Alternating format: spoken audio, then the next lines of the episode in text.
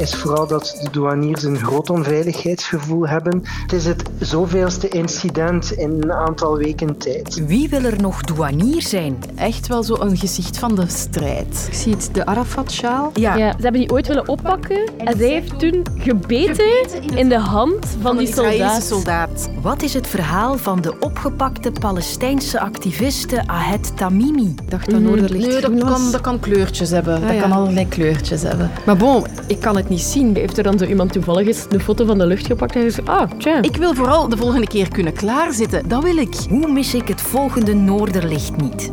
Om het kwartier te horen zit je al goed. Ik ben blij dat je luistert. Mijn naam is Sophie van der Dokt. Het stond hoog op de to-do-lijst toen er twee weken geleden een nieuwe minister van Justitie aan het werk ging. De strijd tegen de drugscriminaliteit. Ik ben voormalig drugsmagistraat geweest eh, in Antwerpen. De voorbije jaren hebben we zware klappen toegebracht aan de drugmafia. Het is mijn taak om die strijd voort te zetten, resoluut voort te zetten. En dat voornemen van minister Van Tichelt blijkt meer dan ooit een prioriteit. Want dit weekend leken drugsbendes in en rond de haven van Antwerpen nog maar eens een versnelling hoger te schakelen. Met een drieste overval op een douanepost. Gewapend met messen klimmen drie overvallers hier over een hek aan de douanepost in de Waaslandhaven. Hun doel is een loods waar in beslag genomen cocaïne opgeslagen is.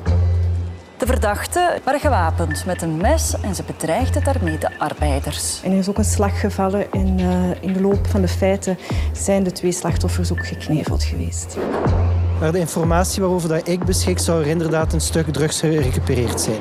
Wat we tot nu toe vooral gezien hebben, dat is eh, geweld in de straten van Antwerpen. Maar wat we nu zien, is dat het om een nieuwe fase in het drugsgeweld lijkt te gaan. En dat is ook iets waarover het parket zich zeer grote zorgen maakt. De escalatie van het geweld en het gegeven dat dit heeft kunnen plaatsvinden op een terrein van de overheid.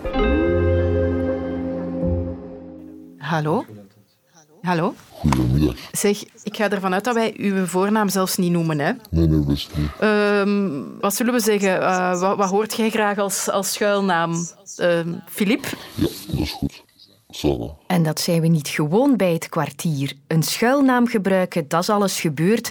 Maar de stem van een praatgast vervormen, dat doen we liever niet. Maar vandaag moet het, want we wilden weten hoe het is om als douanier op pad te zijn in de haven terwijl er rond jou een drugsoorlog woedt. Om dat verhaal te vertellen vonden we douanier Philippe. Zijn naam is vals, die hebben we hem gegeven uit veiligheidsoverwegingen, maar zijn getuigenis is echt. Eerst komen wij van thuis naar een bureau, gaan we ons omkleden, onze bewapening pakken en dan uh, vertrekken wij naar de locatie dat we moeten gaan voor controle.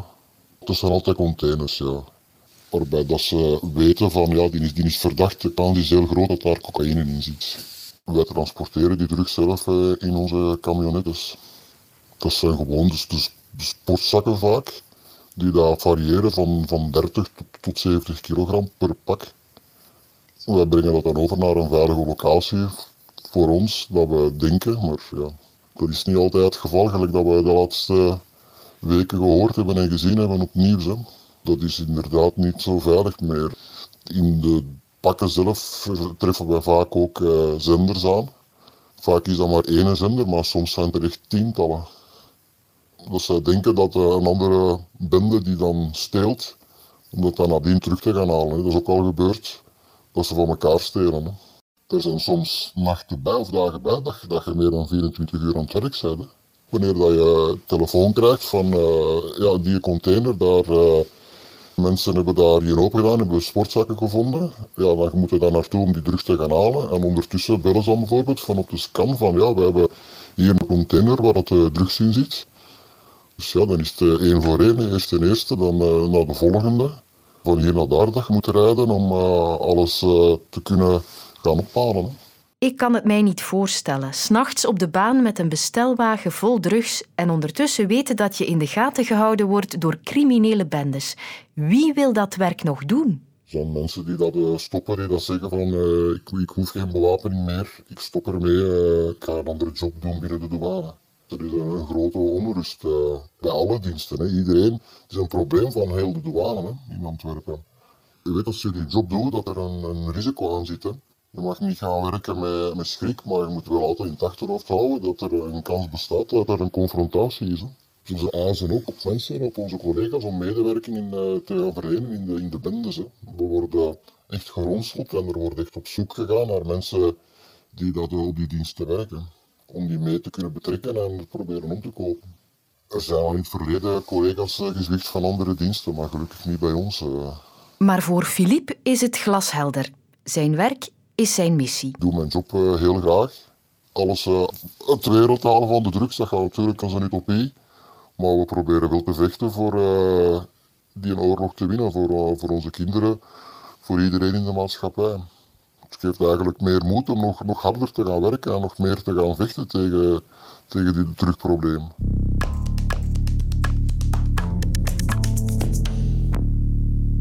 We zijn nu bijna een maand na het begin van de oorlog tussen Israël en de extremistische organisatie Hamas in de Gazastrook.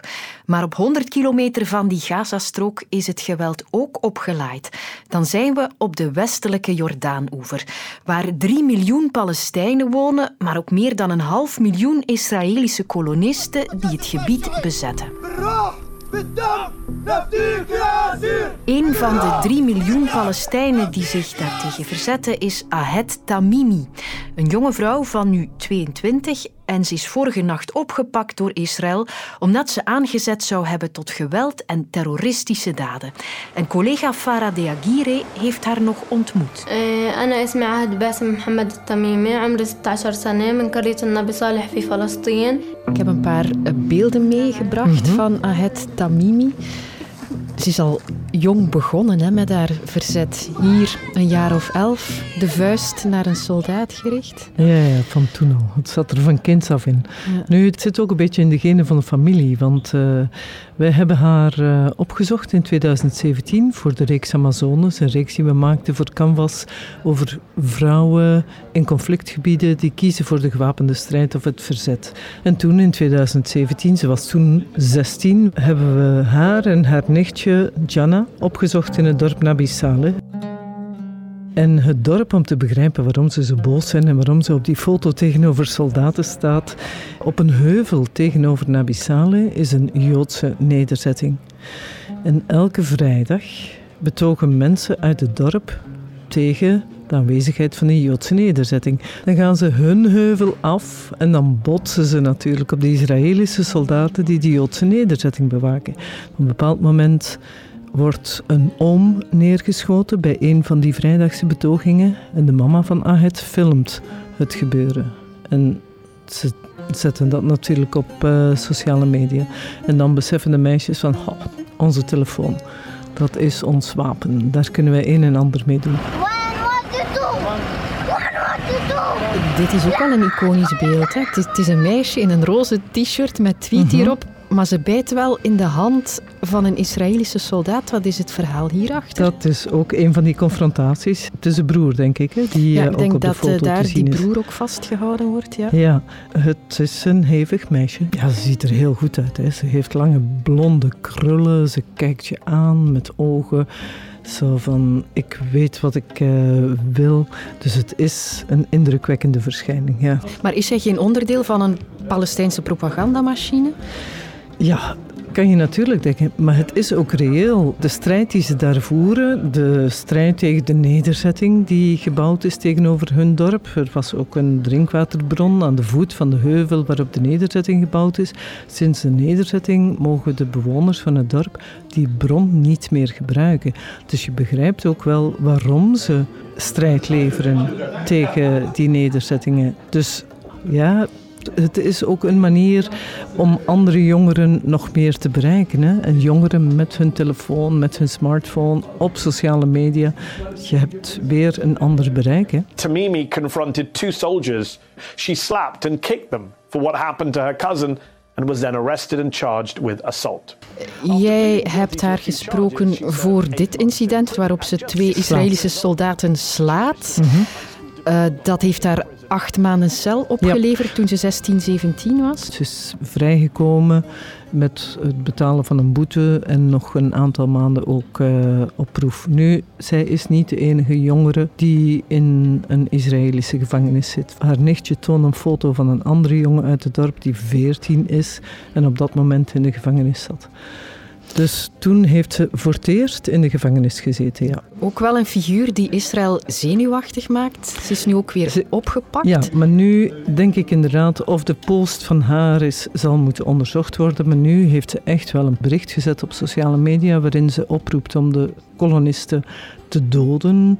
En hen ook zegt van wat jullie met Hitler hebben meegemaakt zal een grapje zijn in vergelijking met wat wij gaan doen. Als je dat leest, dan weet je van wow, dit gaat te ver. Dit is aanzetten tot terrorisme. Dus is ze inderdaad ook, zo gaat het meestal s'nachts, opgepakt in haar huis, dat huis waar wij met haar gezeten hebben in uh, Nabi Saleh. En ik denk dat ze nu niet met acht maanden vanaf zal komen. Ja. Maar we zijn niet zeker natuurlijk dat zij dat bericht echt gezet heeft. Dat uh, zal moeten onderzocht worden en zal ook wel door advocaten onderzocht worden. Hè? Wow, this is so beautiful. Als je het noorderlicht wil zien, moet je normaal gezien naar het hoge noorden trekken. Oh, I haven't seen this strong northern lights in a long time. Maar gisteravond waren er mensen die het gewoon vanuit hun tuin hier in België gezien hebben. Een paars-oranje gloed verscheen aan de horizon en dat is best uitzonderlijk.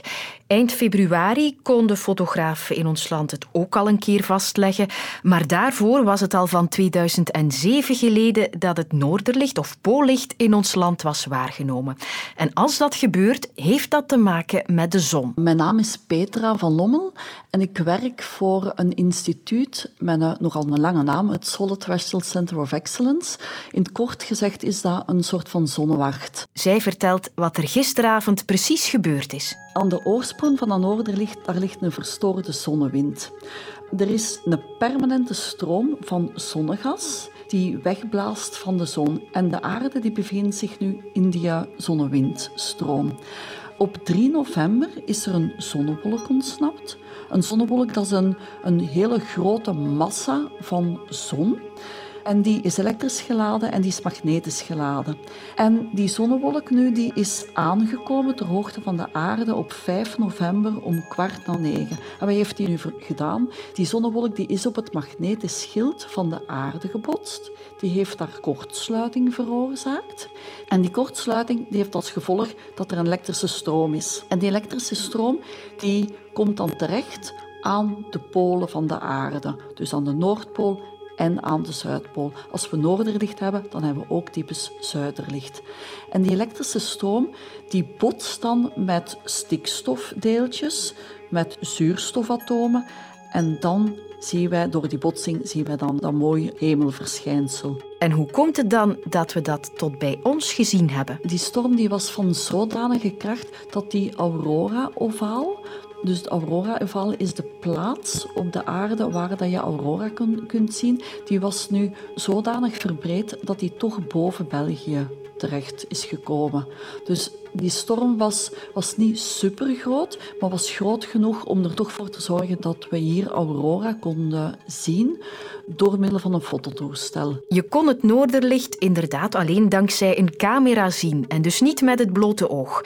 Ik had dus helemaal niks door, maar sommige mensen zaten wel klaar om het fenomeen te fotograferen. Ja, hallo. Sander van Kanijt is de oprichter van de website pollicht.be. Een uit de hand gelopen hobby, maar hij volgt de activiteit van de zon dus wel op de voet. En voor wie de volgende keer ook wil uitpakken met een foto van het noorderlicht, heeft hij maar één gouden raad. De enige tip die we eigenlijk kunnen geven is om de mensen te volgen die zeer actief zijn binnen het poollicht en het ruimteweer gebeuren, zoals op onze eigen kanalen.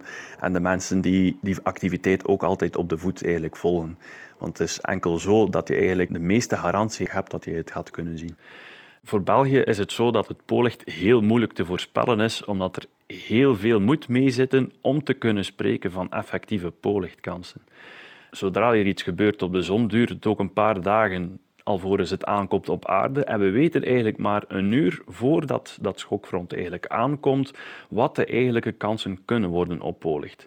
Dus gisteren in de loop van de namiddag zagen we dat alle condities gunstig zagen voor polichtkansen te kunnen krijgen bij ons. En dan was het enkel nog wachten tot het valavond werd en hopen dat de metertjes nog goed stonden om het eigenlijk bij ons goed te kunnen zien. Maar hij kon toch al verklappen dat het niet veel zin heeft om vanavond met je camera te zitten wachten. Nee, voor vanavond ziet de data er al minder rooskleurig uit, eigenlijk voor uh, opnieuw van een polichtkans te kunnen spreken.